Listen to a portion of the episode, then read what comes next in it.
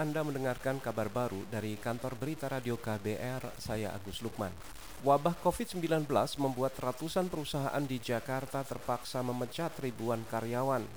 Data Dinas Tenaga Kerja DKI Jakarta menyebutkan hingga hari ini ada 600-an perusahaan yang memperlakukan pemutusan hubungan kerja atau PHK dengan total pekerja terdampak mencapai 3.800 orang.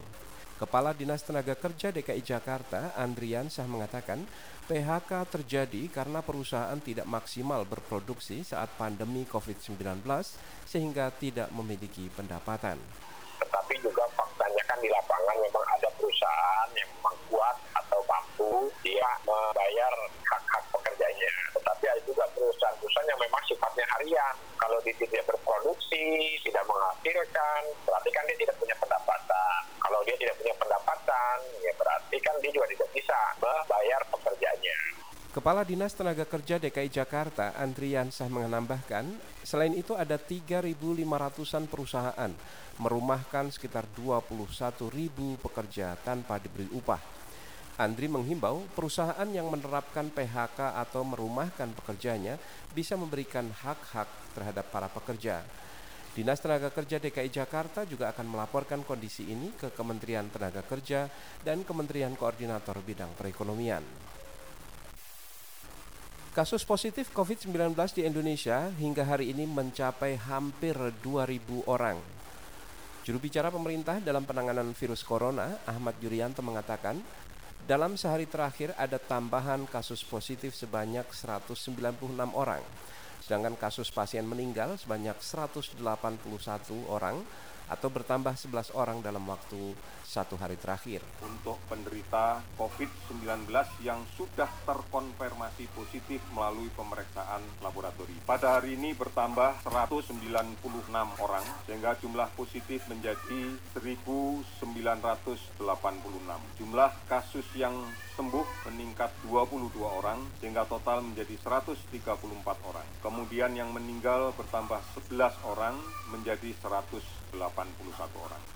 Juru bicara pemerintah untuk penanganan COVID-19, Ahmad Yuryanto, terus meminta masyarakat tetap berada di dalam rumah demi memutus penularan virus COVID-19. Yuri juga menyarankan masyarakat untuk tidak bepergian sementara waktu. Kita ke Kalimantan Timur. Dinas Perhubungan Provinsi Kalimantan Timur mencelupkan tinta di jari sebagai tanda bagi setiap orang yang masuk ke provinsi itu melalui Bandar Udara Supadio Pontianak. Kepala Dinas Perhubungan Kalimantan Barat, Manto mengatakan, kebijakan itu berlaku sejak Rabu kemarin.